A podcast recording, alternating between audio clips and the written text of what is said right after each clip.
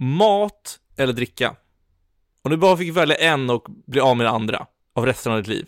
Jag Vad räknar kallt med att jag får överleva utan andra. Ja, ja exakt. Alltså, du, du, du behöver inte annat, säger vi så. Alltså att du behöver bara äta, men du, men aldrig dricka. Eller att Mm. du får inte göra det. Eller att du får bara dricka, men aldrig äta. Oj, eh, nej, det är nog inte så svårt ändå kanske. Jag eh, skulle nog välja att äta faktiskt. Det är en större del av mitt liv att äta mat än vad det är att dricka faktiskt. Jaha. Har du en matpodd? Men jag kanske växer in till det här så att jag ändrar till slut. Men du då? Låter som att du skulle välja drycken. Ja, det, det tror jag. Hade du det? Förstår du man kan mass- men alltså aldrig dricka alkohol igen Joel? Ja, men tänk dig att aldrig kunna äta en riktigt bra mat. En, eh, alltså, vad, tänk dig favoriträtt, vad det nu än är. Du får aldrig äta det. Ja men tänk dig en riktigt bra smoothie. Du kan ju bara blanda ner i en smoothie. Smoothie aldrig, va? okej, ska du sälja in det här till mig så får du... Soppa, räknas som dricka eller? Nej, det är för mat. Nej, det är väl dricka? Jo, nej, du kan inte Va? bara hitta... Nej. Du kan inte bara hitta på, jo det var exakt det jag gjorde. Va? Nej men du tänkte säga, du kan inte bara komma och hitta på. Så bara, men Ja. vänta nu, det var ju exakt det jag gjorde med den här Okej, fair frågan. enough. Men till min poäng om soppan, du har Ja. aldrig någonsin sagt oj vad jag är törstig. Jag måste dricka lite soppa. Nej men kaffe har man inte heller sagt det om, men kaffe är väl ändå en dryck? Ja, kaffe är en dryck, ja men du äter inte den när du är hungrig. Nej, vi vet, men du dricker inte den när du är törstig heller. Okej, fair enough då, men soppa äter du faktiskt för att mätta din hunger. Okej, men vart går gränsen då? Smoothie? Knappt så jag vill tillåta det heller faktiskt. Milkshake? Nej. Va? Inte milkshake? Nej. Det står ju på dryck på Vatten, McDonalds, så kan man välja öl. milkshake. Vin, juice, vatten, ja vatten sa jag ju. Men, Ja men då väljer jag också mat. ja men det var så jag tänkte i alla fall. om, om, om milkshake räknas som mat så väljer jag också mat. Ja, Okej, bra. Då är vi på samma sida då. Bra. Men eh, nu börjar våra, våra kompisar komma in. Ska vi släppa in dem och köra igång? Det gör vi. Ses där. Ses för det. Hej. Hej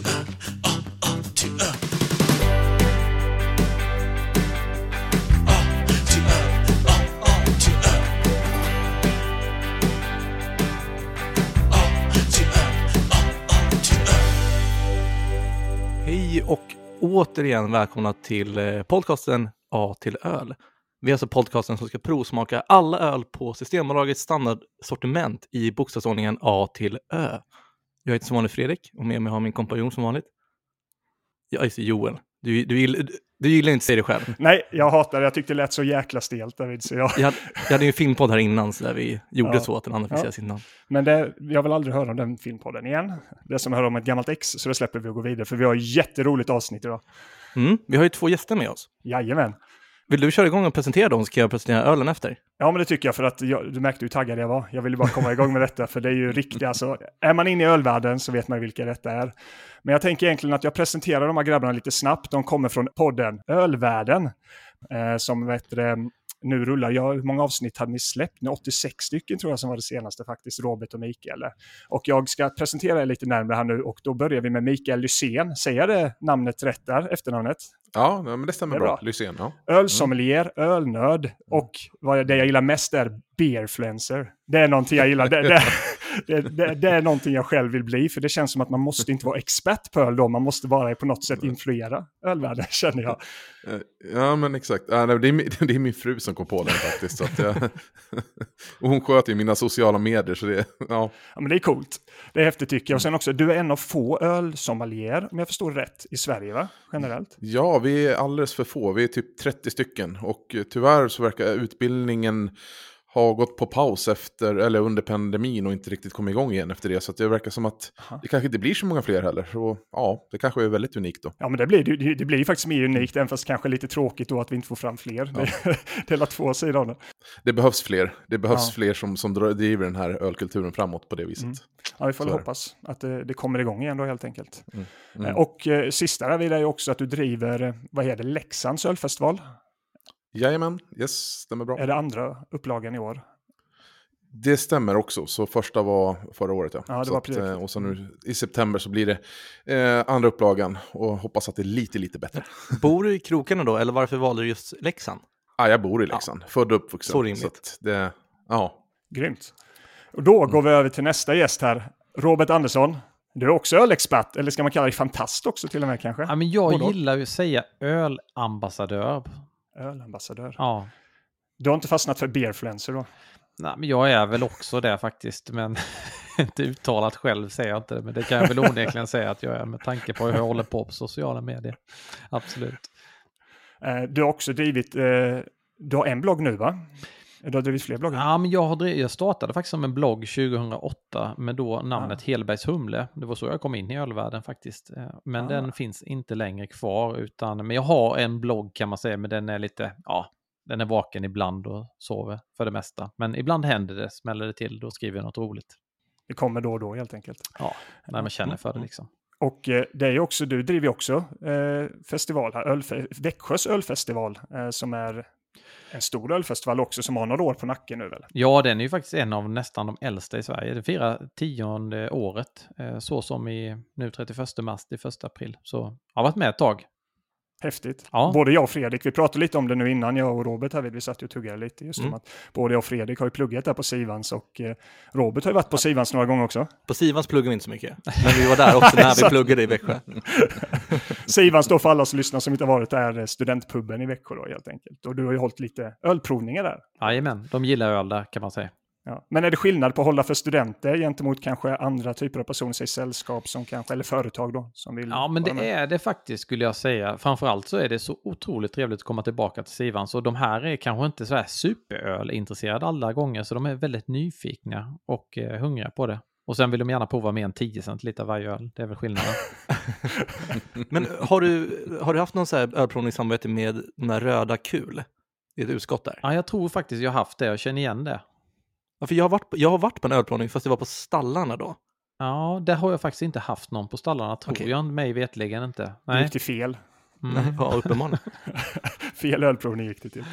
Uh, men kul, det var ju lite snabbt. Vi ska lära känna er lite bättre efterhand också. Men jag heter Fredrik, ska du presentera veckans öl som roligt nog är Roberts, är det inte favorit, en av favoritölen i alla fall? Ja, alltså jag har varit med i många enkäter på Beer News och så när jag frågar dem om min ö, det är ööl och uh, just denna öl faktiskt är ju en ö som, äh, ö, nej, det är en öl är det. jag blandar ihop från A till öl och ö här. Men den, den, skulle jag absolut ta med mig alla dagar i veckan om jag hamnade på en ö. Så vilken är det Fredrik? Jo, det är ju Bedarö Bitter som eh, kostar 32 kronor på Systembolaget. Det är en eh, engelsk Pale Ale och slash bitter vad jag förstår det som. Jag tänkte fråga er lite mer om exakt den typen. Och, eh, men det är, den är 4,5 procentig. Men, eh, och här tänker jag lite så här, för jag, jag, jag läser lite lätt om eh, just eh, Pale Ale och Bitter som det står på Systembolaget att den heter. Och kortfattat för en lekman som mig är att det är egentligen en mindre, alltså en IPA fast med, varför den skapades var för att de ville göra en IPA fast med mindre alkohol i sig. Är det rätt Robert? Ja, du tänker på just engelsk Pale Ale då? Ja, exakt. Utifrån det. Ja, men det, det, skulle man kunna benämna det som exakt. Och eh, i, i, fråga om att detta är en... Det, tänker jag att vi kan ta en diskussion kring. Alla är mm. inte överens kring huruvida detta är en bitter mm. eller detta är en engelsk pale Men eh, ja, så skulle man kunna säga att den är lite mildare än en eh, klassisk IPA då helt enkelt. Bra, men innan vi går in på det, ska vi öppna upp och ja. smaka den här ölen? Och ska vi då låta, hur ska vi då är det något speciellt sätt vi ska hälla upp det på? Hur ska vi smaka på denna? Vi vill gärna ha er, er hjälp här nu. Hur ska vi faktiskt provsmaka på den här? Mm. Det är ju nämligen så, det är så lyxigt jag har det i min podd. Jag har ju fått lära mig av experten själv. Han som faktiskt har skrivit boken på hur man ska prova öl. Så det är ja, okay. Som dessutom har vunnit eh, medalj i kokboks-VM. Det grabbar, det visste ni inte att det vann, fanns?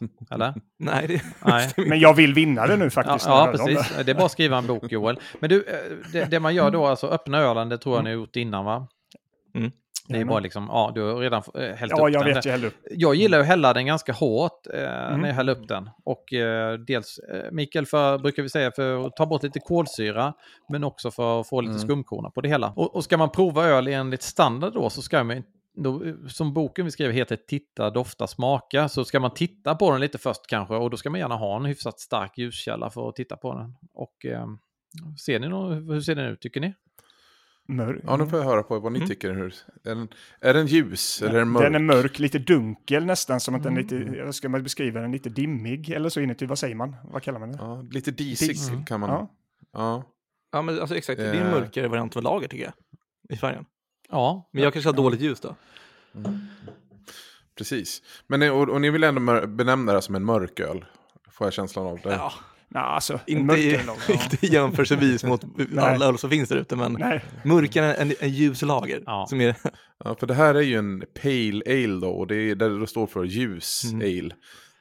Eh, men, men det får man ju tänka då britternas sätt att se på det. Ja, det, jag menar, det mesta ölen där, Storbritannien är ju ganska mörk generellt. Mm. Och jag håller med dig att, att, eh, nu när jag håller den lite mot bättre ljus här så ser den, är den tydligt ljusare än vad den var när jag Ja, jag, tittade in. jag som har en eh, väldigt stark ljuskälla här jag nästan drar lite åt orangefärgat när jag håller Ja. upp mot den. Eh, faktiskt. Skulle jag och ganska ett fint, kompakt, trevligt skum också skulle jag säga. Eh, Men visst har det ändrats? Alltså, alltså man har ju druckit bedare bitter genom många år, men jag får känslan av att skum eh, stabiliteten är en helt annan idag än vad den var för tre eller fyra år sedan. mm. Ja, men jag, Nu, förlåt, nu Ja. kanske jag går Nu- utanför. Nej, kör! Tvärtom. Snack, Tvärtom, det är det här. Ja, men jag håller med dig Mikael Ja. faktiskt. Jag skulle också säga det. Eh, Det var det faktiskt ett tag, även om detta är en av mina favoritöl sen jag drack den. Beror, beror detta på tillverkningsmetoden har ändrats eller produktionen eller vad beror det på lagringstid eller vad beror det på att just den kronan det sättet?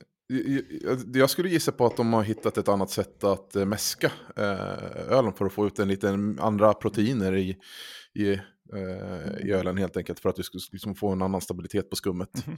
Så att jag tror att det är mer mäskningen eller så kanske de har hittat, bytt ut någon malt. Det kan ju också hända att då det, nej, men det här malten börjar bli dyrare så då provar vi en annan. Eh, och, då visade det sig att den ger en bättre skum. Ja, jag vet inte. Det, Jag, jag tror, tror man har jobbat lite med den här ölen också. Detta är ju faktiskt ett anrikt Ja. öl. Eh, Joel, du kommer säkert berätta mer om det sen. Men faktum är för att ungefär ett år sedan, ett och ett halvt år sedan, eh, jag, har, jag kör ju fredagsöl varje fredag och hade denna som fredagsöl och provade då denna och eh, snacka och insåg att fasen vad den doftar skumbanan och nejlika. Och det ska den ju absolut inte göra. Så jag blev, fick lite panik där, tänkte så jag kan inte beskriva skumbanan nejlika därför det ska det inte vara i den här ölen. Så jag skrev till bryggarna som jag känner väl att vad händer liksom? Och då visade det sig att de hade fått in någon eh, felaktig gäst i den faktiskt. Så det var eh, väldigt mycket nejlika. Det, sjukt att skola de som producerat den. Det är ganska häftigt ändå.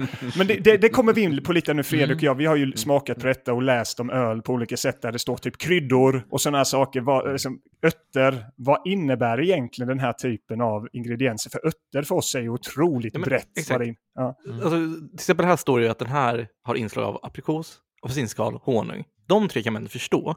Men och örter. Mm. Jag vet inte riktigt hur man ska läsa av det, den beskrivningen på Systembolaget. Ja, den är komplicerad. Hur, hur tolkar man då att någonting är örtrikt? Ja, men jag tror att man får tänka att det, det är kanske lite kryddigt. Mm. Att det finns en, liksom, kanske en liten pepprighet, någon, nå- att det, det känns lite grann i bakgrunden. Men det är inte så att man har kryddat med örtor, örter på något vis, utan det är bara en, en, en upplevelse bland den som beskriver det här. Då. Mm.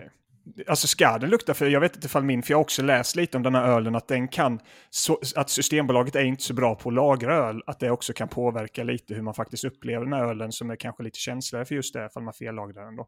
Men att jag känner faktiskt att det luktar lite banan när jag luktar på den, men jag tycker den smakar väldigt gott. Och, Mm. eh, alltså, men Ja, men det, jag det, vet inte hur den ska smaka. Nej, men det, det, jag, tror, jag tror de har kommit i bukt med det här problemet, så det, det bör inte ha fått, men sen kan du absolut, jag vet ju också att det finns lite, den här gästen är ju väldigt unik, de har väl isolerat den tror jag sen eh, de faktiskt drog igång bryggningen av den, så den är ju väldigt unik den här i sig, så jag tror den faktiskt har varit med hela vägen och den ska ha lite nejlika toner, vad- om jag förstått det rätt också. Så eh, det är säkert någon, eh, och när vi då pratar den här typen av gäst så tänker man sig typ eh, någon typ av belgisk gäst eller tysk veteölsgäst. Eh, Mikael borde vara inblandad på något sätt. Mm. Ja, men precis. De, de brukar ju ge mer eh, utav de här typ, klassiska liksom, smakerna som kommer från själva jäsningen.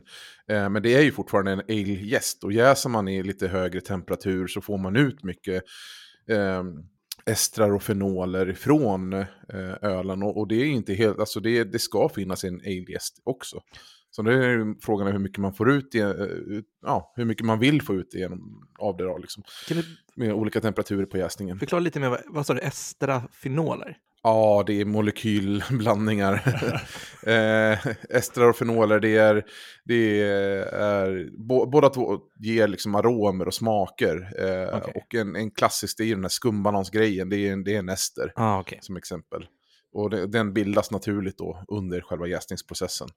Så att det, det sker kemiska eh, reaktioner. Men, och det sker... När gästen, ja nej men det, det, och det är gästen som släpper ifrån sig det, när den äter socker och bajsar ut alkohol Ja. och kolsyra och sånt lite annat. Och så. Alltså, jag känner ju inte, alltså det här att den är bitter, alltså är det bara någonting alltså, med typen då, för jag känner, jag förväntar mig, jag tycker om denna mycket mer än vad jag trodde Ja. jag skulle tycka om den. Alltså den, den, den, den, den är ju vilseledande brukar jag säga. Därför det, jag, om det nu även skulle vara en bitter, jag tycker inte det är en bitter. Eh, jag vet inte vad Mikael säger, han får svara sen. Men eh, bitter som ölstil är inte speciellt bitter heller egentligen. Så det är lite vilseledande faktiskt. Och, eh, så jag tror många väljer bort denna, därför man tänker att den ska vara jädra besk. Men det är Ja. den ju inte faktiskt. Det här är ju samma stil som en mild. Bara det att den är mer besk än vad en mild är. Så det är, det, man ställer dem två mot varandra i princip. Det är att en mild är mindre besk eh, än en bitter. Så kommer det från samma bryggeri kommer man ju känna att det är, det är skillnad på dem. Men alltså två, ett, ett bryggeri som gör en mild som kanske då är, eh, kan, kan vara, ha samma beska som ett annat bryggeri som gör en bitter. Så det, det kan vara lite... Eh, Ja, det- Bryggaren bestämmer vad den heter. Och, och det som är lite med denna också är ju faktiskt, om man tänker då en klassisk engelsk bitter, är ju kanske humlad med engelsk humle. Men i denna är det ju faktiskt amerikansk humle, eh, Chi- Chinook och Cascade, som ger upphov till väldigt mycket de här eh, tonerna du kan känna i doften helt enkelt. Hur stor skillnad är det egentligen mellan humle och humle? Alltså om... Oh. Kan ni jämföra det med någonting annat i matvägar? Som, som är samma. Eh, Alltså för, för att förstå hur eh, stor skillnaden är, mm. alltså vilken effekt det har. Typ som man jämför ost Ja, men- med ost till exempel. sådär, som man Men, men, men det var ju faktiskt en bra liknelse tycker jag, Mikael. Ost Mhm. är väl inte så dumt ändå att gå på. Därför, om man tittar Tysklands, eh, ty, den tyska humlen eh, till exempel, är ganska öttig och gräsig och den, den är ganska lik liksom den engelska humlen. Medan tittar man på den nya zeeländska eller eh, amerikanska humlen så är det Amerikanska. väldigt, hu- väldigt fruktig, liksom mycket så här citrus, papaya, passionsfrukt, sådana. Och det här är jätte, jättestor skillnad bara på öst och västkust i USA. Och sen är det stor skillnad. Sen har du ju med SAS från Tjeckien, en helt annan typ av karaktär på, på Öland. Så att, eh, och engelsk, du sa Tyskland och engelsk var ganska lika. Och det är de om man jämför med USA och Nya Zeeland såklart. Men, men om man jämför dem emellan så känner man ju också tydliga skillnader där. Att eh, den brittiska kan vara lite tyngre, lite eh, dampigare. Förstår ni vad jag menar då? Ja, jag tror det. Lite Eh, stökigare liksom. Ja, lite stö ja, men precis. Medan den är mer clean ifrån Tyskland. Mm. Liksom, så att det är lite spetsigare. Okej, så- men li, lite som druvan till vinet. Det är humlen till ölen. Ja, för det, den smakar ju olika beroende på var det växer. Och sen så, så det är svårt att ta en amerikansk humle och låta den växa i Sverige och få samma karaktär. Ah, det här öppnar upp sig för mig nu när man börjar jämföra med druvan faktiskt. Mm. På något sätt, att det blir på något sätt grunden i det hela. Men, men också skulle jag säga, det, det som är lite intressant med just den här typen av öl också är att även maltbasen har ju fått sätta väldigt stor grund till ölet skulle jag säga. Där man faktiskt har valt att använda klassisk engelsk eh, malt, Thomas Fawcett tror jag det är, som är, finns i denna. Och den är, är ju lite så här, ja, men brödig, knäckig liksom i, i smaken. Kan ni känna det när ni känner liksom munkänslan när ni dricker den? Jag tycker det, det, det här är ju fantastiskt gott. Just hela den här karamelltonerna Mm. Och, och precis som det är inne, väldigt brödigt. Mm. Väldigt brödigt. Ja, men jag tycker det här är lite av en blandning mellan IPA och veteöl. Är det en förolämpning eller? Ja, Nej. Nej, nej det är det inte. Jag förstår vad du menar. För det, det, man känner en, en sån här skön munkänsla som är att den blir lite krämig. Eh, och och den, den ger samma och påminner om munkänslan från en veteöl. Det köper jag. Men jag tycker inte att den är så fenolig eller Mm. så, så mycket skumbanan och sånt, sånt som du har i en veteöl. Men, Och- Men men eh, jag, jag håller med om krämigheten. Om det nu är så att ni inte råkar ha ett gammalt text där som faktiskt har väldigt mycket skumbananstoner, det vet man ju aldrig liksom. Och det kan man ju se enkelt då, eh, inte om det är skumbananstoner, det hade vi, man fått eh, dofta och känna. Men min, min är bäst före 29 maj, står det på min, 2023. Så det kan man se där på sidan och det kan ju vara rätt bra. Det är min också. Ja, då bör vi ha exakt samma. Ja. eh, smak, 19 va? juli. Batch eh, 155 079. Ja, 20 maj, ja precis. 155, 49 har jag. Ja, så Ja. där. Ja. Ja, då är jag senare, 19 juli. Då, Och- och det- och det- kanske det är fel igen. Och det kan man... Ja, då är det din färskare. Men, men jag har faktiskt, jag råkar, jag, när vi pratar om BDR bitter, men gud, jag hade ju en. ehm, Problemet är att den här är 24 april 2022. Oj. Den är bäst före. Så den här är lite äldre då. Så att, det- och jag vet inte varför jag inte har öppnat den här. Det, det här är ju oftast en öl jag ger mig på ganska snabbt. För jag brukar inte spara dem. Så det här misstänker jag att det här kan vara den batchen som Robert var, som den var dålig. Oh. Eh, Eller, det, det, det var inte dålig var den skulle jag säga. Den, var, Nej, den, var nej, liksom, men- den, den hade fel gäststräng liksom. Den, den skulle, Mm. smakade inte som den skulle. Det kan man ju med göra skillnad på lite så här. Att säga att man inte tycker om en öl är ju en sak. Men sen kan det ju Mm. faktiskt vara ett fel på ölen. Ja, ni vet precis som om man käkar mat ute. Det är ju skillnad på att få in någon, någon maträtt som är faktiskt faktum. Ja, men det här är ju dåligt tillagat eller det smakar fel. Till skillnad från att ja, men det här tyckte inte jag var gott. Förstår ni vad jag menar? Så, Absolut, samma är det med öl. Det är ju väldigt subjektivt liksom. Jo, jo. nu, nu häller jag upp den här äldre ölen här nu och så ser Mm, om jag kan otroligt känna skillnad. Mm. Det, det jag kan säga direkt att den är inte alls lika disig. Den här har ju stått länge nu, då, så nu är den väldigt, väldigt klar i... i Ah. Jag vet inte om ni Mm. kan se det på bilden här. Jag förstår ju att det inte syns i podden, men, men, men den är väldigt, väldigt klar. Men det här är ju antagligen för att den har stått länge, så att eventuell Mm. dis har fallit ner med tiden. Eh, jag hade skitigt glas också, såg jag nu. Det ber jag om ursäkt för. Men vad är det värsta som kan hända om man dricker en dålig öl egentligen? Det är bara att den inte smakar gott va? Ja, Mm. det, det, det, det ska till något extremt om du ska bli dålig av det. Ser du att det flyter mögel på den, då ska du låta bli att dricka, Ja. låta bli att dricka på den. Det är Fair enough. där. Ja. jag, jag, jag, har druckit öl, jag har druckit väldigt mycket öl genom åren. Alltså otroligt, tusentals olika öl. En gång har jag varit med om att vi sa stopp, det här ska vi inte dricka, då dör vi kanske. Alltså, en gång. Men eh, hu- hur många snittar ni i veckan? Det är väldigt olika, skulle jag säga. Sen, sen så får man ju så här, det, är, det provas en hel del öl. Mm. Eh, men man dricker sällan en hel öl, utan det är vaskas Mm. mycket också. Ja, jag vet ju Mikael, jag lyssnade ju på några avsnitt från era poddar också och eh, du hade likt mig en ganska nyligen en vit månad här. Mm. Eh, och du testade lite alkoholfri öl. Nu lät det, detta blev en väldigt bra segway faktiskt när vi kom in på det här nu. För att just det att jag testade också lite alkohol, alkoholfri öl under den här tiden och eh, jag kände väl, du berömde Peronis var det väl, som du tyckte ändå Ja. hade en bra alkoholfri öl.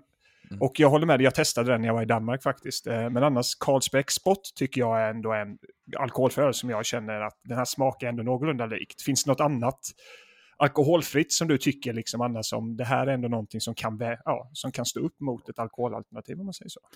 Ja, nej men jag, har tjatat om den förut, nu görs den inte längre, men det var en öl som jag verkligen fastnade för, som jag har tjatat på. Uh, han, nu är inte han bryggare där, men han äger vid bryggeriet, uh, Petri, att nu måste ni igång med den igen. Det är alltså eh, Coppersmith i Västerås gjorde en, en Black IPA. Och det är den bästa alkoholfria ölen jag någonsin har druckit. Och eh, den är helt, helt magiskt bra. Eh, men nej, men där, där brukar jag tänka, det finns ju en, om man, jag, jag vill oftast hylla svenskt, men om man ska ta en som är som jag vet är, är fantastiskt bra så är det ju eh, Wien Stefaners eh, alkoholfria veteöl. För det, det är nog så nära du kan komma en, en öl som är alkoholfri och fortfarande smakar öl. Det, det ska, som, som följer stilen också till 100%. Eh, men och ska man titta svenskt så, så tycker jag faktiskt eh, Nils Oskar är jätteduktiga. Eh, och eh, nu vet jag att det, det, Vega kommer ju komma med en alkoholfri öl snart också som de har kämpat med länge. Som säkert kommer att vara superbra. Ja, för det är lite tuffare. Alltså det är, är, det, är det att det är dyrt att ta fram en, eller är det att det är svårt, eller att det inte säljer lika bra? Varför är det för att till exempel, varför gör inte fler riktigt bra alkoholfri öl? Det känns som att den kulturen nu ändå är någonting det går emot, att folk vill ha bra alkoholfri öl. Det, det är lite komplicerat. Eh, många, som, som Spendrups, de gör ju en efterprocess där de kokar ölen eh, under vad säger jag, lågt tryck då, så att den, den, den kokar mycket, mycket lättare i lägre temperatur. Och ju lägre temperatur du kokar desto mer, mindre liksom smaker försvinner när du tar bort alkoholen.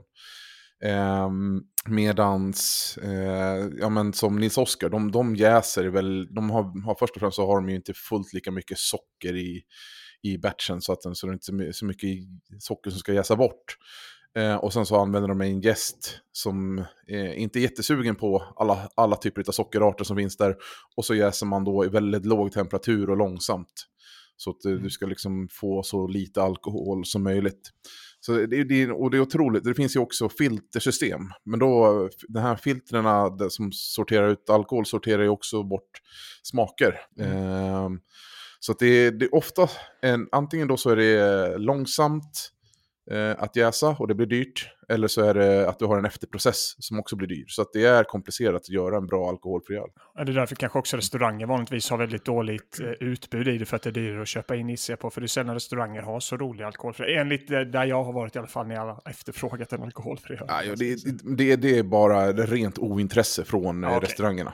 Ja. Framförallt om det är i större städer. Så då är det bara... Nej, det, där, det finns alkoholfria alternativ. Jag tycker det, det... Tyvärr så är det inte intresset så stort att eh, tillföra det. Ja, sen, är- sen är Micke ska vi nämna att många av de restaurangerna är också bundna till vissa krogavtal. Ja. Att man sitter liksom i knät på en leverantör och då är det just Mm. deras alkoholfria utbud som man har. Okej, ja, det låter väl fair enough det också kanske. Mm. Men Fredrik, ska vi glida in lite på, du har alla lite frågor som vi har som en liten tradition när vi har gäster. Ja, men vi har tre stycken fuck, marry, kills. Ja. Eh, Vet ni konceptet? Ja, Ni känner till det. Och då, då är det såklart metaforiskt. Eh, eller ni får tolka hur ni vill. Men eh, för, för om vi har någon lyssnare som inte förstår det så är det att ni får välja. Ja, första kommer att vara tre olika öl, kan man väl säga, eller bryggerier. Jag vet inte hur Eller- man ska benämna det. Ja, är det, är det industriöl vi ska ge dem eller? Ja, nu är det industriöl. Nu är det industriöl. Det är pest eller kolera för er nu. Och då kommer ni få välja en att ligga med, en att döda och en att gifta er med. Eh, och det här är ju till för att eh, lyssnarna känner kanske inte er. Så det här är lite till för dem att försöka få en bättre bild över vad, vad tycker ni om, vad tycker ni inte om, hur resonerar ni och så vidare. Okej? Mm. Så de första tre så har jag valt Falcon, Spendrups och Mariestad. Mm. Eh, Robert, ska, eh, ska vi komma överens? Eller ska Nej, vi vi kan- varsin? Nej, Ni vill köra diskutera. Mm. Så den som känner manad kan börja. Så först och främst, Spendrups eh, och Mariestad är i samma bryggeri. Eh, så att, och, eh, och, sen, och Falcon är ju Carlsberg nu för tiden. Även om Mm. det bryggs i, i Falkenberg.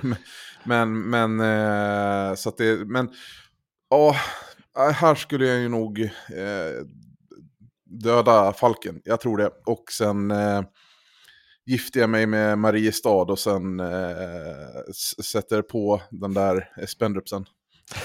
där, ja. En kväll liksom. ja, en kväll liksom, precis. Så är det klart sen. Och Robert? Ja, det var inte lätt, men faktum är ju att det finns ju en anledning till att Mikael och jag gör podden Ölvärlden och det är ju att vi tänker precis likadant som oftast. Och jag skriver faktiskt under på samtliga påståenden där Mikael, som du säger. Det är, Jag, jag tänker på en sak, där vi, det var ju som sagt i det Sivans-avsnittet där vi som gör så säger ju Mikael att Norrlands guld som är en väldigt öl som ligger nära hjärtat för mig, att det är en väldigt platt öl. Vad innebär i grund och botten att det är en platt öl? Eh, betyder det egentligen att det är en dålig öl eller bara en som är ganska tråkig för någon som er som kanske är... Eller min följdfråga på det. Har ert kunnande om öl egentligen förstört den här vanliga en stor stark? Kan ni gå in och beställa en stor stark när ni är ute någonstans? Nej, det kan ni inte. För Robert, kan du beställa en stor stark? Eh, nej, det kan jag faktiskt inte. Då, eh, då finns det verkligen inget annat om vi säger så. Och jag behöver lite, men då är inte ens då tror jag inte jag gör det. Men alltså, för, för, ja det är klart att det har förstört lite på något sätt har det ju. Man, man, man blir ju lite mer kräsen, så är det. Men sen är inte jag värre än att jag tar sedan dit jag kommer om jag blir bjuden eller så.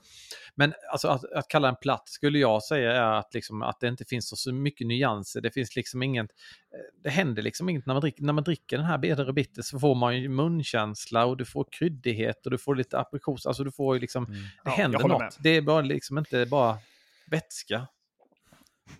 Nej, jag, jag, det, det, det låter hårt men... Jag håller med. Alltså, jag, jag har haft lite lätt hat mot Falcon också, vilket jag får mothugg över. Eh, men eh, innan jag glömmer bort det, har, eh, känner, känner ni till alltså, konceptet att beställa en stöl? Eh, alltså, nej. Alltså stor stark öl? Ja, jo. Det, jo, Det- det, jag- har inte använt Stor begreppet. stark. Nej, Nej, inte.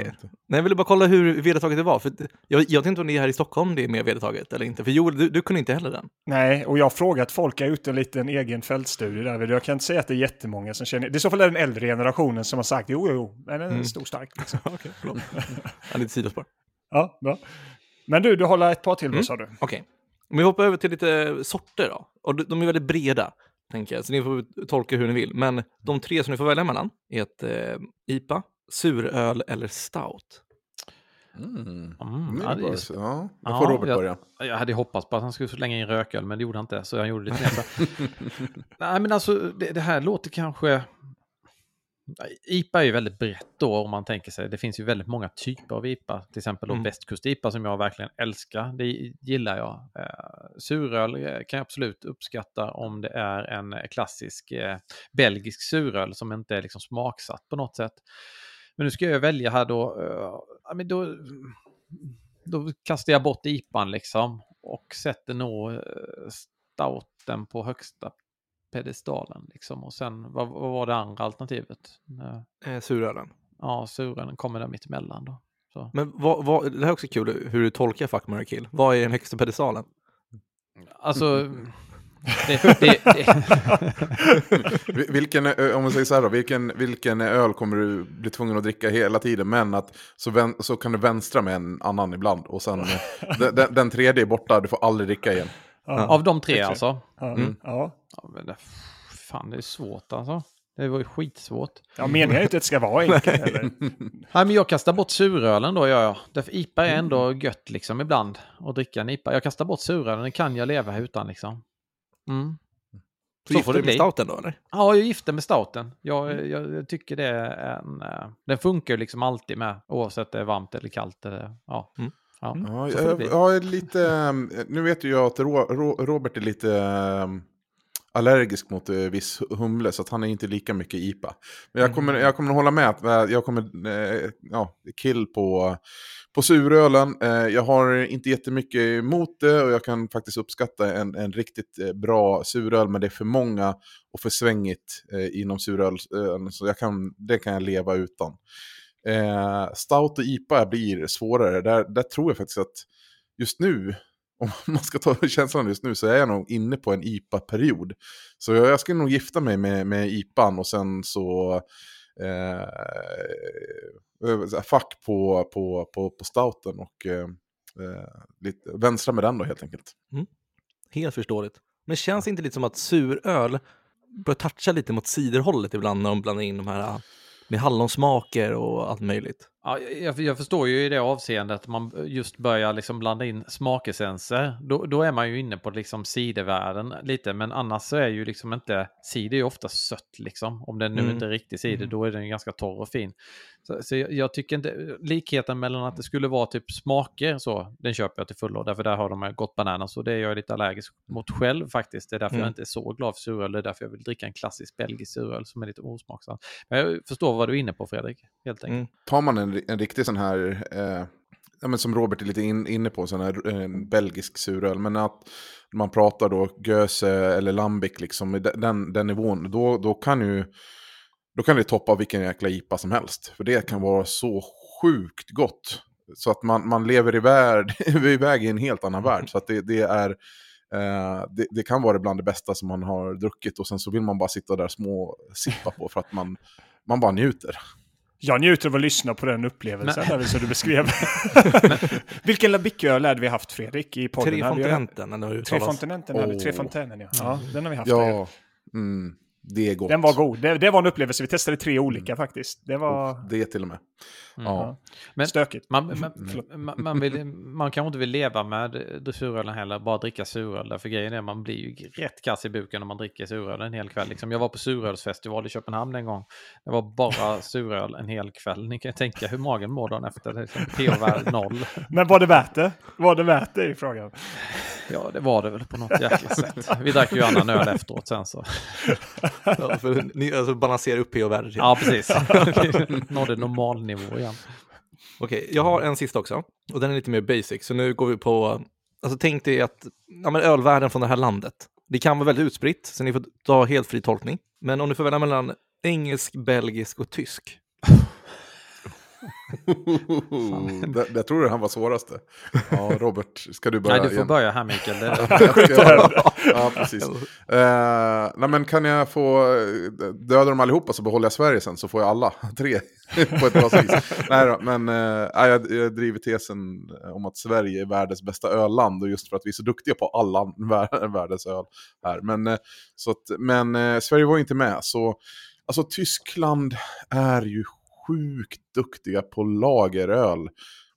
Alltså, äh, inte bara ljuslager, liksom. det, är, det, är, det är de ju magiska på såklart. Men, men jag tänker på men en dubbelbock eller... Eh, Och så finns det härliga surisar därifrån också. Ja, den, den, är, den är bra. Och Belgien, de har ju sina fenol, fenoliska liksom, känslor där med mycket skumbanan och där finns det ju som upp, det är en otrolig bredd de har med olika typer av smaker. Så där skulle man ju kunna välja Belgien så skulle man ju kunna överleva ganska länge. Så man ska gifta sig, gifta sig med Belgien. Men det svåra är vilken mellan Tyskland och England man ska döda. Eh, Åh gud, det finns så mycket gott också. så att det är stout och det, är, det, vi, det vi dricker nu, bitter och sådär. Nej men, äh, men okej, vi, vi, Nej, vi skjuter av England då. Det blir, det blir, jag, jag vänstrar med, med, eh, med, med, Tyskland. Det känns som ja. det där är dagsform alltså, vad du väljer ja, där, Ja, det är det. det, är det. Så, det, är, det är enorm ångest när jag står där med pistolen mot England, det kan jag säga. Mm. Ja, nej men alltså fan, det är ju inte lätt det här. Det ska, den här var knivig alltså. Nej, men jag, jag, jag jag skjuter Tyskland, tyvärr. Eh, sorry, men nej, alltså de gör så mycket, men det är mycket, alltså de, de har inte den stora variationen eh, som England och Belgien har i ölstilar skulle jag säga. Och framförallt då så tänker jag att jag får ju ligga med eh, England helt enkelt därför och, ja, men, jag vill inte släppa England helt. Då. men, men eh, Belgien alltså, det, jag, jag har sagt det förr, jag höll en nödprovning för många år sedan. Det satt internationella gäster från hela världen, varpå jag säger att Belgien är eh, världens bästa ölland inför den här publiken och det sitter både engelsmän, tyska, danska och massa i publiken. Så, så jag vidhåller det. Det, ja, det, var inte, det var inte lämpligt att säga att Belgien var världens bästa öl.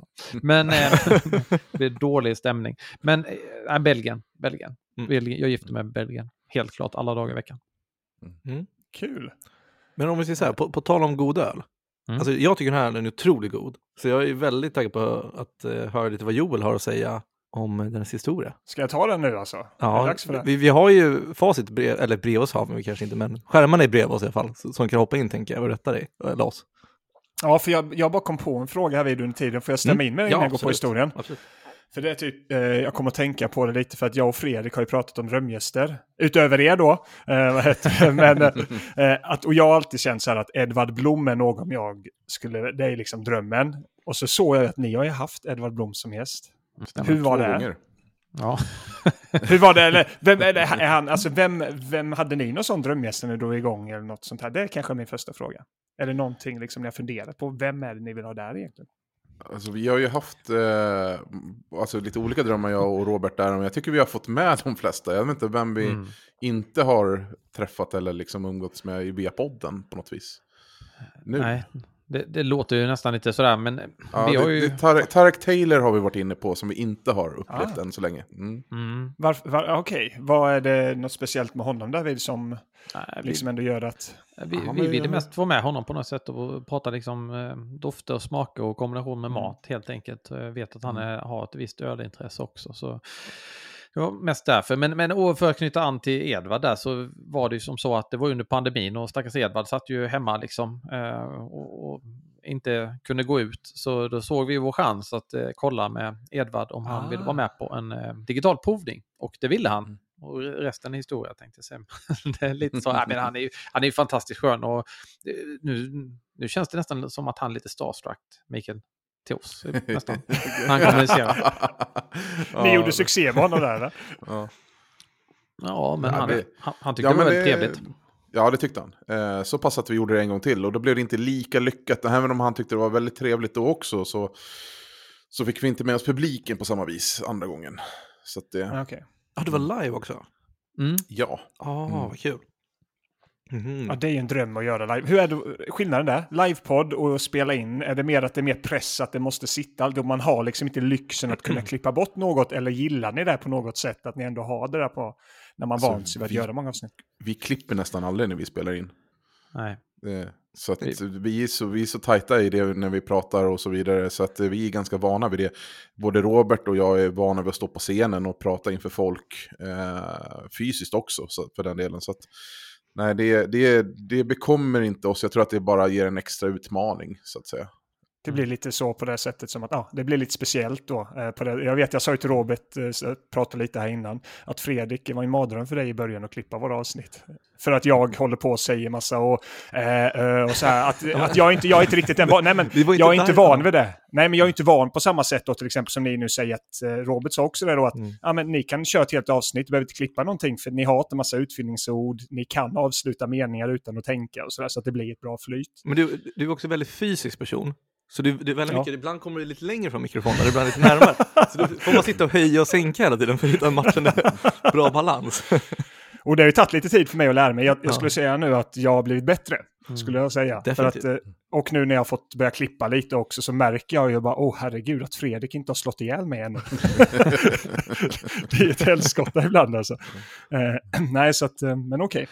Ja, men man, man, brukar ju säga det, det finns ju en anledning till att man inte ska lyssna liksom på eh, avsnitt ett av en podd. Därför mm. ofta är det ju liksom inte bra från början. Och Mikael, lyssnar man tillbaka, dels hade vi inte så bra ljud och vi, Mikael och jag kände ju inte ens varandra. Vi hittade varandra, vi började ju nätdejta typ. Um, typ ja men så var det faktiskt. Uh, mm. ja, inte nätdejta på det sättet, men vi hittade varandra på nätet liksom och eh, fattade tycke för vad kände. ja, men det här är en rolig historia att dra på det. Hur, skapade, hur blev det öl, öl, ölvärlden till egentligen? Nej, men, saken var den att jag hade hållit på med öl ett tag och, och eh, hade kört en podd med en kollega här i Växjö. Men han eh, orkade liksom inte, det blev inte mer av det. Så, så tänkte jag, men fan det här med podd, jag vill fortsätta, jag tycker det är kul. Men det är svårt att få till liksom sådär när man, att man ska bo i samma stad och träffas. Och, och så började flasha förbi en annons under pandemin att det var en kille som höll liksom så här digitala ölprovningar. Och så tyckte jag att ja, han såg så liksom mysig ut eh, och, och, och, så vad heter det, hade han så här lugnt och skönt dalmål. Så jag skrev till Micke. Jag tror Micke du svarar alltså typ, alltså vi snackar bara någon timme senare. Ja, det är klart vi ska göra det typ. ja, på den vägen var det. Ja, vi, mm. vi, gjorde, vi, vi var med på varandras digitala ölprovningar. Eh, och sen så spelade vi in ett avsnitt, något typ av pilot där då. Ja. För det finns sen... någon artikel om att ni skulle dra igång ju. Mm. Ja. Alltså som skrevs om det så att ni gjorde ändå någon typ, jag ska inte kalla det pressrelease, men ni gick ändå ut med att ni skulle köra någonting ja. eh, ihop där ju. Mm. Vi har varit duktiga på det vi sättet, att vi vill synas. Eh, syns man inte finns man inte. Så vi, vi, skriver ofta till Beer News och ibland är de lite trötta på oss med allt vi gör. Nej, och, och liksom, grundplåten i allting det vi gör är att vi vill sprida ölkultur. Vi tycker det är så förbannat ja. kul, även om vi inte är alltid ölnördiga. Vi tycker bara liksom hela sfären kring öl är så fantastisk. Bara att vi får sitta här tillsammans med er idag och snacka, det är ja, otroligt. Vilken ödmjuk och härlig approach. Mm. Ja, får man ändå säga. Mm. Verkligen. Nej, kul. Nej, men det är alltid kul att höra också hur det blev till. För att som sagt att ni har ju, som ni själva säger, ni kände inte varandra innan. Och på något sätt var det ändå ölen som förde er samman. Mm. Att eh, mm. den världen på något sätt. Det är ju fi något fint i det. Mm. Så är det. Vi har inte tröttnat på varandra än, Mikael. Nej, men det... Är, det för att, är det för att ni har ett distansförhållande kanske? Ja, ja det måste vara det. för oss är det nästan tvärtom, Joel. Vi är, vi, är, vi är redan trötta på varandra. ja, jag tror det. Alltså. Vi körde ju bara fysiskt i början ju, så att, och, men eh, nu har vi börjat köra ett par digitala i alla fall. Det är lite annorlunda, men eh, vi har ändå fått det att funka tycker jag. Mm. Mm. Men kan, kan du P3 över till historien igen, Joel? Nu är det dags. Nu är det dags, ja. Någon, någon bra koppling, tänker jag. Någon, någon P3-övergång. Ah, du brukar vara bra på det. Har du inte något? och på tal om... Nej, Men på tal om distans, eh, historien var väldigt långt borta från idag. Kan du berätta lite om den historien, om den är på ölen? Ja, men det kan jag göra. Absolut. Eh, och vi har varit inne ganska mycket på det redan eh, en del av det som vi kommer prata om tror jag. Eh, sen så försöker jag ändå hålla det hyfsat kort för jag tycker också det kan vara intressant att se lite vad det finns för inflik. Vi har ju vissa experter, vi på till och med bryggeriet då kanske. Men det är ett av Sveriges första mikrobryggerier vi har kunnat läsa mig till i alla fall, också ett väldigt prisbelönt. Eh, och ganska rolig grej bakom det hela är att det var ett gäng polare verkar som, som reste runt i Europa och provade olika öltyper. Ölfantaster egentligen kan man kalla det, som startade en medlemspub och började brygga öl lite mer som hobby. Och det var under den här medlems, eh, eller vad säger man, de här bryggerierna under medlemspubstiden då som det föddes idéer kring att faktiskt ja, starta ett eget bryggeri. Och det, de hade sitt egna bryggverk 1997. Eh, och jag tror faktiskt att Bredare Bitter är en av de första ölen som bryggdes. Är det någon som vill fact-checka mig på det? Ja, men, men det stämmer bra. Det är faktiskt den första ölen man brygger kontinuerligt i bryggeriet. Stämmer. Det är häftigt. Mm. Att den är liksom en, det är det deras flagship-öl idag. Ja, men det är det. Det är en av de eh, bäst säljande, absolut. Coolt. Men det som är lite roligt också är att de första åren faktiskt handtappade ölen också. 120 000 flaskor tror jag de kom upp i eller någonting sånt där. Per, Eh, per år? vad sa du? Eller alltså för hela året? Nej, nej de, kom upp där, de kom upp i det innan de då egentligen... Eh, Aha, ja, ja. ska, vad heter det? När man nu, de byggde sitt egna bryggeri. Det de har nu byggdes Ja. under början av 2000-talet någon gång. Där. Ja. Eh, nuvarande bryggeriet då. Eh, och jag tror till och med slått i taket. Det är i alla fall den artikel jag läste, detta var ett par år sedan så det kanske ändrats nu, men de har slått i produktionstaket där faktiskt, att man kunde inte tillverka mer än vad man gjorde just då. Det kanske har förändrats dock, men jag läste det någonstans där. Eh, sen är det lite kul faktiskt att eh, alla öl är namngivna eh, på omgivande platser runt Nynäshamn. Då. Så att de säger själva att det är ungefär som en båttur i skärgården är som en resa genom vårt sortiment av ale, lager, stout och specialbrygder. Då. Så att allting är kopplat till närområdet. Så. Och det, det, sånt älskar man ju ändå, att när man kan känna själen i det. Eh, det är lite så här marknadsföringen själv när man läser om det där, på det sättet. Gillar du det mer än när de döper öl efter Transformers, som Bumblebee? Ja, det, det går kanske hand i hand. Det är två olika världar, men jag gillar ändå lika mycket på något sätt. Okay. Eh, men sen så vet jag också att det var, jag läste någonting som var ganska coolt, att de ingick ett uppdrag med, fall det var, heter det, bibliotek och vote, vad heter det, Vit Labs, Vote Labs, White Labs. White Labs, White Labs, att eh, skapa den bästa lagen som fanns. Jag vet inte, är någon av er som har smakat av den? Eh, vad hette den? Eh, po, pre, pre, prespors, pres, äh, det rullat av tungan. Pres, preposterous, Preposterous. preposterous Preposterous. pill. Är den Ja. släppt ännu, tänkte jag säga. Nej, men Den man har... inte har kommit. Jag tror att de hade ju något sån här, man, man kunde gå på eh, några vissa eh, bryggerier och vissa pubbar kunde man få smaka den på. Eh, så att, jag, tror, Jag men måste- jag, tror, ja. ja, Mm. jag, tror, jag tror att de hade den på Great Swedish Beer Festival också, men annars så tror jag inte jag sett den på flaska burk. Om inte annat så är det någon man vill testa i alla fall. Mm. Alltså jag måste bara försöka uttala detta. Prepost, preposterous pill. Preposterous pill. En orimlig pilsner helt enkelt. är det liksom betyder. Så att det, det är ett bra jäkla namn. I egentligen den här, innan, det är en grej här som jag vill komma in på generellt. Men är det någonting annat som, är, ja, Robert, som kanske är lite mer närmare den här ölen, då är det någonting du tycker jag har missat? Som jag borde ha tagit med kanske? Ja, men alltså jag vet ju att den eh, 2006 tog den liksom guld i Stockholm Beer and Whiskey Festival, eh, bästa öl oavsett kategori. Det, det är ju något man absolut ska ta med. Hur kunde jag missa det? Ja, det, den är ganska viktig. Och sen har den ju liksom världens bästa alkoholprocent, 4,5. Det är liksom, gener, alltså det blir inte bättre än så. Och vad jag håller med dig om Ja. att jag gillar 4,5. Ja, Ja, alltså, 4,5. jag gör verkligen... Jag, jag tittar på det ibland när jag köper öl. Alltså. Är den 4,5 köper den oavsett vad det är för öl. Därför det är lagom liksom. Det är inte folköl, det är något mer. Nej, Man blir inte och full. man kan, ja, nej, här, man kan dricka några mer ändå. ja, och det liksom, smakar mycket. Mm. Ja, nej, jag håller med dig faktiskt. Och just att jag trodde att den var mycket starkare när jag tittade på flaskan och så här. Det känns ju som en öl som är en 6 eller något sånt Ja, där nej, faktiskt. den här är lugn och fin. Och smaken är ju ändå där på 6% skulle jag vilja hävda. Alltså det är ju Mm, mycket verkligen. karaktär i Mm. den. Mm. Och det är ju det häftiga med det egentligen då. 4,5 som ändå har den här smaken. För jag håller med, det är mycket karaktär i den här. Mm. Så att detta är, alltså, ja, det, är en, det här är en, mycket, alltså, en helt annan upplevelse än jag trodde. Jag trodde inte jag skulle tycka om den här ölen. Alltså. Ja, Men jag kul. verkligen älskar den. Ja, och jag, jag kan ju säga utifrån hur mycket öl jag har druckit och Mikael också genom åren att jag har aldrig stött på en öl som smakar likadant som denna. Annars det finns det många öl som går hand i hand som är liknande, men jag har aldrig smakat något smakmässigt som liknar Bedarubit. Den är helt unik. Häftigt. Håller med. Eh, Och jag vill kliva in på en sak här faktiskt som jag hörde att, eh, jag tror det var Robert som pratade om det podd också, men marknadschefen också i, eh, eller på eh, bryggeriet där Nynäshamns ångbryggeri, pratade också om den differentierade alkoholskatten. Att det blir en viktig del nu under 2023. Och är det du Robert som varit uppe och faktiskt pratat med politikerna här uppe i Stockholm, eller ska upp och göra det? Ja, men det stämmer. Vi var uppe för några veckor sedan, drygt en månad sedan, med Sveriges oberoende bryggerier och diskuterade då framförallt Erik Fritiof som är Eh, ordförande i föreningen, eh, snackade inför ett eh, utvalda, eller utvalda, det var de politikerna som dök upp. Så det är en otroligt viktig fråga för att kunna liksom inte se massa bryggerier läggas ner runt om i Sverige är ju att eh, nu kommer man höjde med alkoholskatten i januari, den kommer höjas i januari 2024 också så, så som det ligger nu. Så vi hoppas verkligen att man inför det här som alla andra länder i hela Europa gjort utom Sverige och Spanien. Men kan du utveckla då, vad innebär det egentligen differentierad Ja, men det alkoholskatt? innebär egentligen så sådant att mikrobryggerier klassas ett bryggeri som brygger mindre än 20 miljoner liter per år. Och eh, de- den här då differentierade alkoholskatten innebär att bryggerier som kan anpassas enligt EU eh, att man får lägre alkoholskatt eh, på en viss mängd öl. Sen ser de här modellerna väldigt olika ut, men ett förslag skulle kunna vara att man brygger liksom upp till en miljon liter per år. Då får man 50% skatt på, den, eh, på de litrarna man brygger, om ni hänger med. Okej. Eh, Mm. 2,12 per liter eh, gångersats och sånt eh, är det idag. Men då skulle man få den halverad i så fall och det skulle göra otroligt mycket skillnad för ett bryggeri. Men det är häftigt att driva på det där då alltså.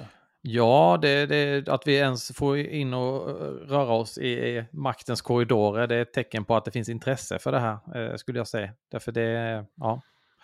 Men det är, lite, det är lite liv och död för många bryggerier. Vi har redan börjat se att folk har fått kasta in eh, handduken. Vi har ett bryggeri här i Dalarna som nyss gav upp och det är flera andra här nu som, som eh, har blivit, jag vet inte, är vi uppe i fyra bryggerier nu på kort tid som, som har ju Ja. fått lov att ge upp. Jag tror, tror knappt det räcker. Alltså det, det, jag tror Mm. det är till och med 5-6 nu. Jag ser bryggeriutrustning på bryggeriutrustning som säljs. Alltså, så det här året kommer vi att tappa en 20 bryggerier minst, tror jag. Tyvärr. Jag tror, inte, jag tror tyvärr inte att 20 kommer räcka. Nej. Eh, om inte man inför en differentierad alkoholskatt. Ja, vad tråkigt. Det- Ja, det är den bistra sanningen. Men vi hade ju ett sånt avsnitt eh, där, där vi pratade om kapitalismen och jag pratade om kapital, kapitalismens ondska i mina ögon. Och det här är ju typ ett fall av det. Alltså, att vi, de stora köper upp alla små eller så kan man inte klara sig själva. Och det är så tråkigt att det blir så, för det är de små som faktiskt kommer med lite autentisk öl. De brinner mer för att göra god öl än att sälja så mycket öl som möjligt. Mm. Nej, men det, det är helt rätt Fredrik. Och eh, nu har vi inte fått se några uppköp i Sverige. Jag tror inte de kommer sälja sig själv till djävulen. Nej, men eh, alltså, det, det, det, det kommer inte ske, tror jag inte, de små.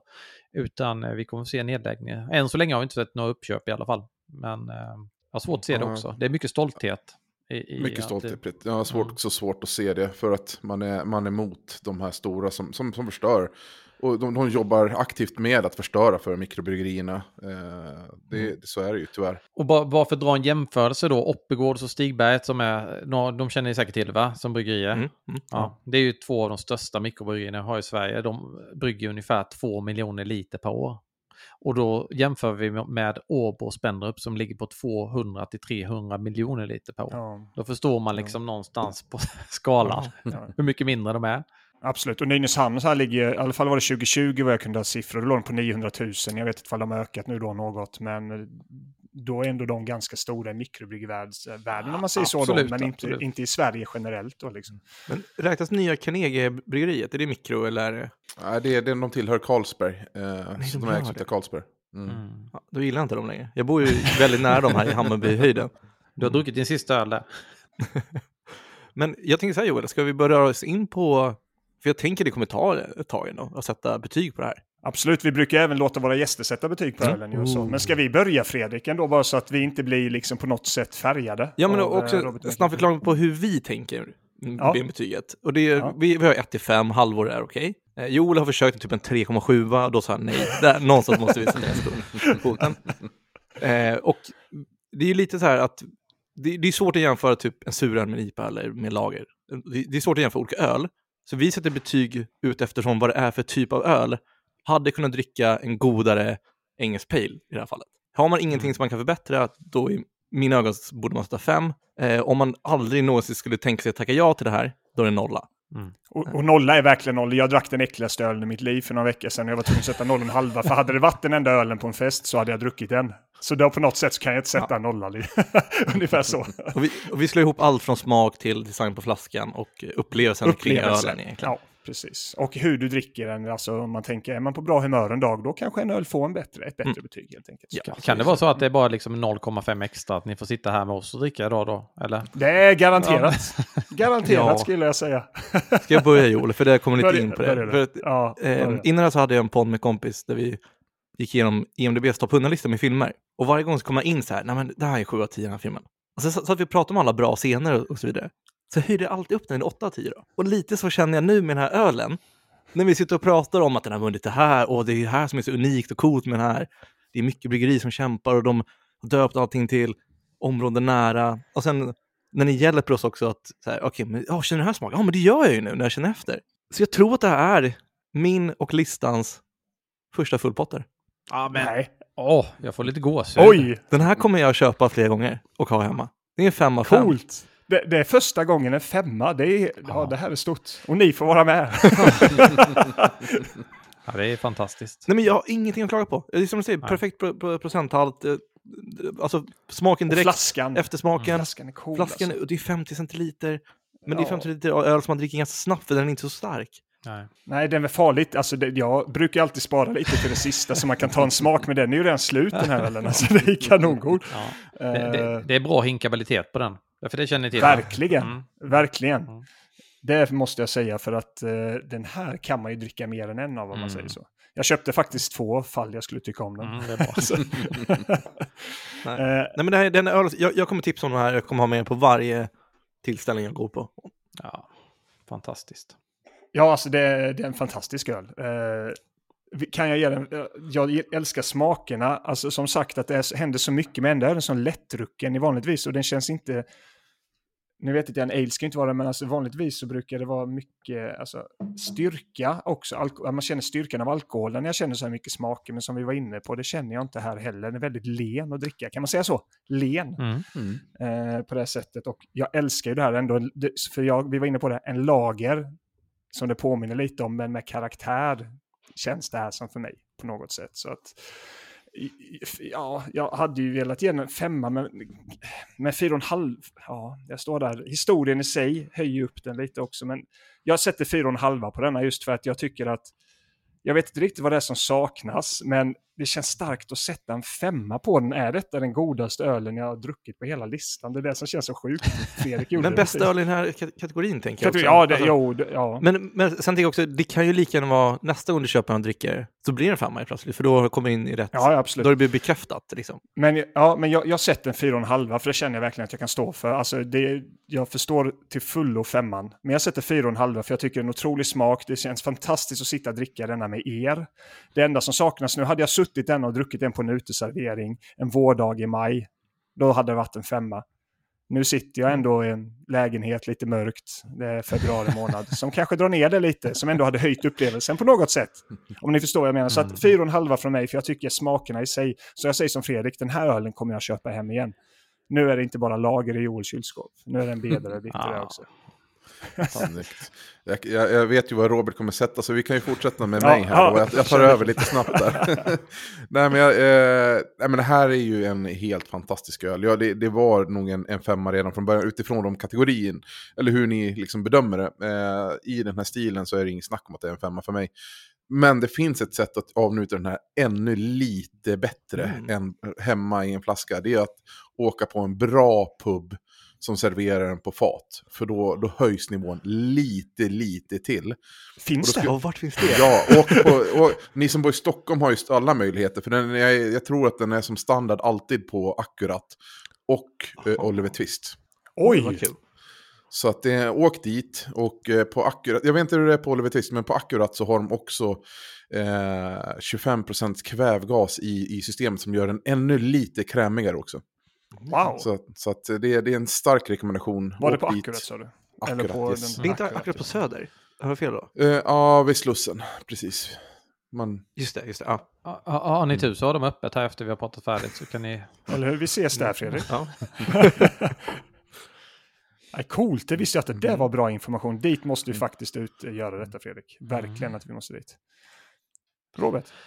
Ja, men det är precis som Mikael säger, det här är inget snack liksom. Jag kan ju lyfta fram detta som en av världens bästa öl till och med. Alltså jag tycker, och det är utifrån, jag gillar ett sätt att sätta betyg med att ni inte gör det utifrån liksom jämför olika, att man jämför det stilmässigt så. Och eh, för mig är denna helt unik och har alltid varit, den smakar inte som något annat. Den har en härlig kryddighet, den är torr alltså, och snygg balanserad väska. Nej, det är fullpottare, en fempoängare. Om jag, absolut. Men det enda som jag kan tänka mig på listan Joel, som jag skulle kunna vilja konkurrera om vi ska ska bara utgå från god öl, Mm. det är alla rycken. Den, Ja, den var det gav jag inte femma, jag, jag, jag måste prova den igen.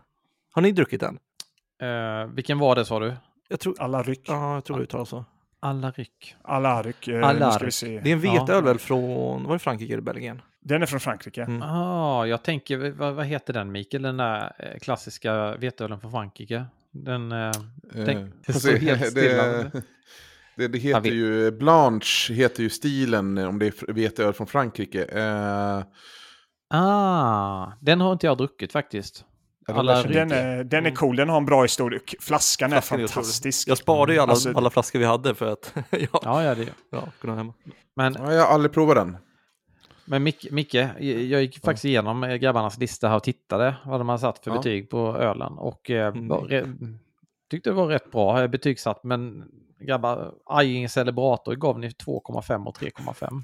Ja, det, det, det är lite pisk på fingrarna. Ja, på det, den. det gör om den- gör rätt där. Så. Ja, då, ni, ska, ni, den får ni ta och prova en gång till och så får ni ha med oss. Så kan vi beskriva ölen och ni får en annan upplevelse. Det är helt övertygad om. Det gör jag gärna. Ja, ja. För att, eh, jag, jag, jag, jag drack den igår, eh, jag älskar den. Och jag, hade ett svenskt bryggeri kunnat göra den så hade jag köpt den alla dagar i veckan. Därför den är liksom, det, det finns ingen som liknar något annat. Den är Det liksom, finns ingen som lyckas komma upp i, på, på den, tyvärr. Eh, dubbelbock finns det väldigt många som gör bra, men, men den är liksom stilexemplet på hur en perfekt dubbelbock är. Ja, jag, jag, känner att jag får återuppliva Tyskland här. Jag dödade ju dem innan, men nu känner jag genast fan med. Ja, jag hade en två och en halva på den. Ja, men sen, ser ni den Baron Tränk? Det var den äckligaste ölen jag druckit i hela mitt liv. Känner ni, har ni, den har ni druckit då? Den var Ja. ingenting för mig i alla fall.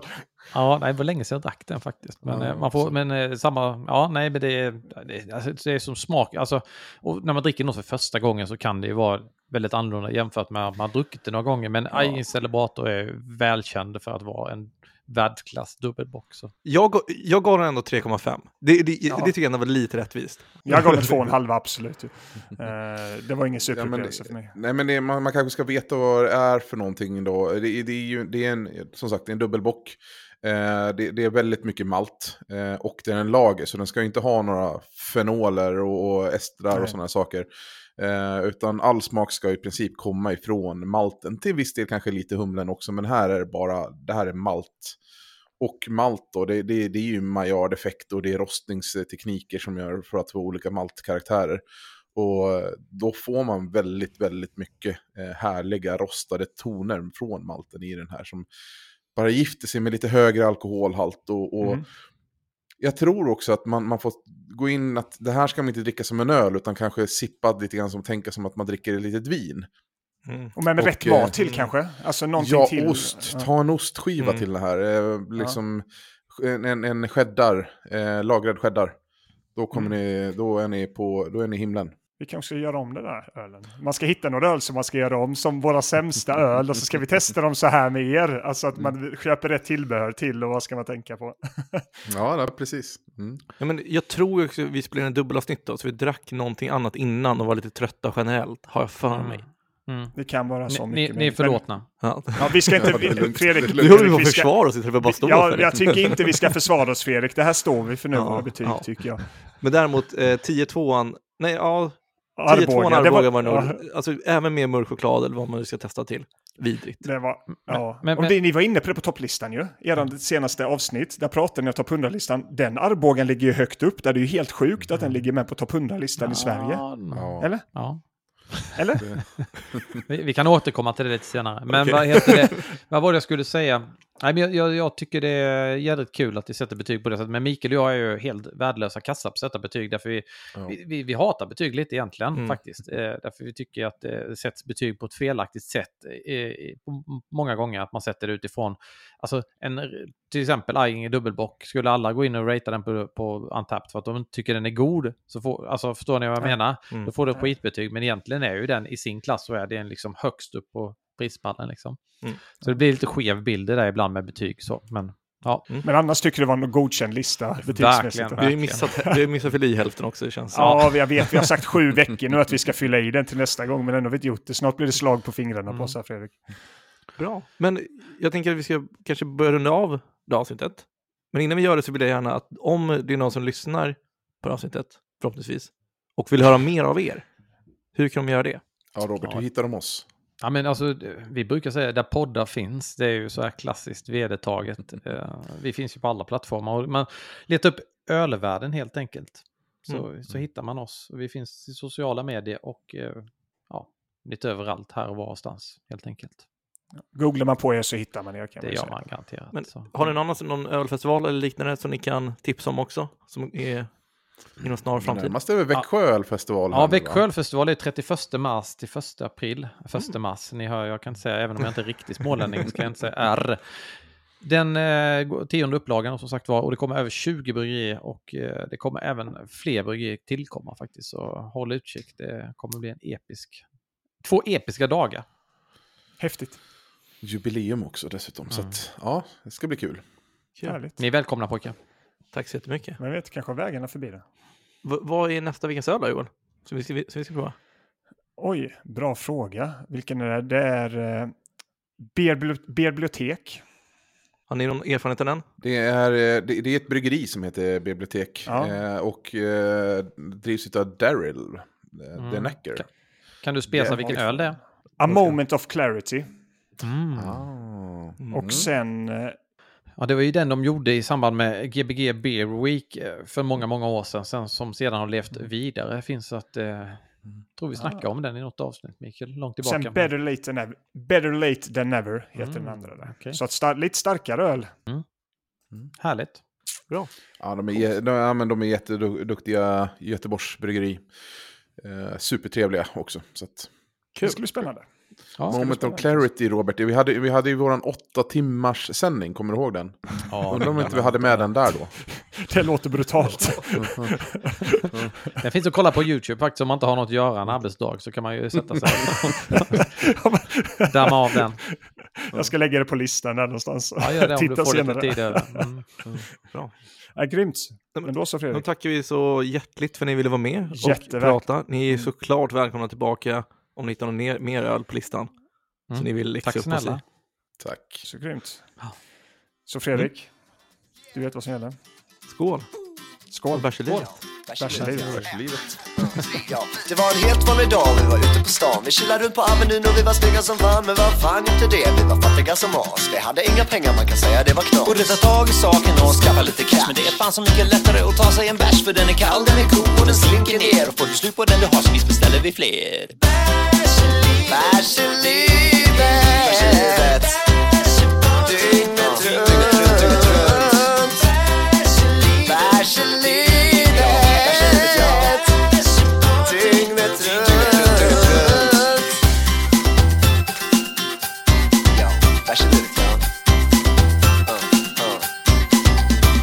var en helt vanlig dag, vi var bakis som fan Men det enda som vi tänkte på var att bärsa på stan. Men vad fan gällde det? Puben öppnar klockan tre Så jag får dricka kaffe. Och jag får dricka te. Borde ta tag i saken och skaffa lite cash. Men det är fan så mycket lättare att ta sig en bärs För den är kall, den är god och den slinker ner. Om du får slut på den du har så visst beställer vi fler.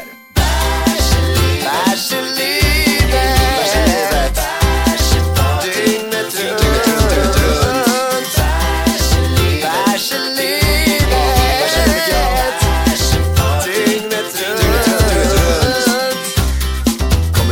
ställe en fredags eftermiddag. Går fram till bartendern och säger ett, tre Ja, Ey, jag diggar öl av alla dess slag Trivs här på sjuan, sitter här ett tag. Ge mig en Staropramen eller något från Prag. Vikten med procenten, den får inte vara för svag. För blir jag lurad på cykeln och får någon billig jävla skit. Kan det gå riktigt jävla illa? Jag svänger stället med dynamit och flipp och ta på dig i baren. För du verkar ej förstå att bärs är riktigt jävla viktigt för mig. Så se hur det kan se gå. hur det kan gå mannen. Se hur det kan gå mannen. Se hur det kan, hur det kan gå mannen. Det kan gå, det kan gå, det kan gå mannen Förfest till parken och sparken efter jobbet på Petro Peppe snoppen när jag lyssnar på Pet som är så fett? Du har in med mycket flow så finns en ny artist för dig En som behöver massa dough Vet hur mannen brukar säga Bärs i livet Bärs i livet Bärs i Dygnet runt. Bärs i livet Bärs i livet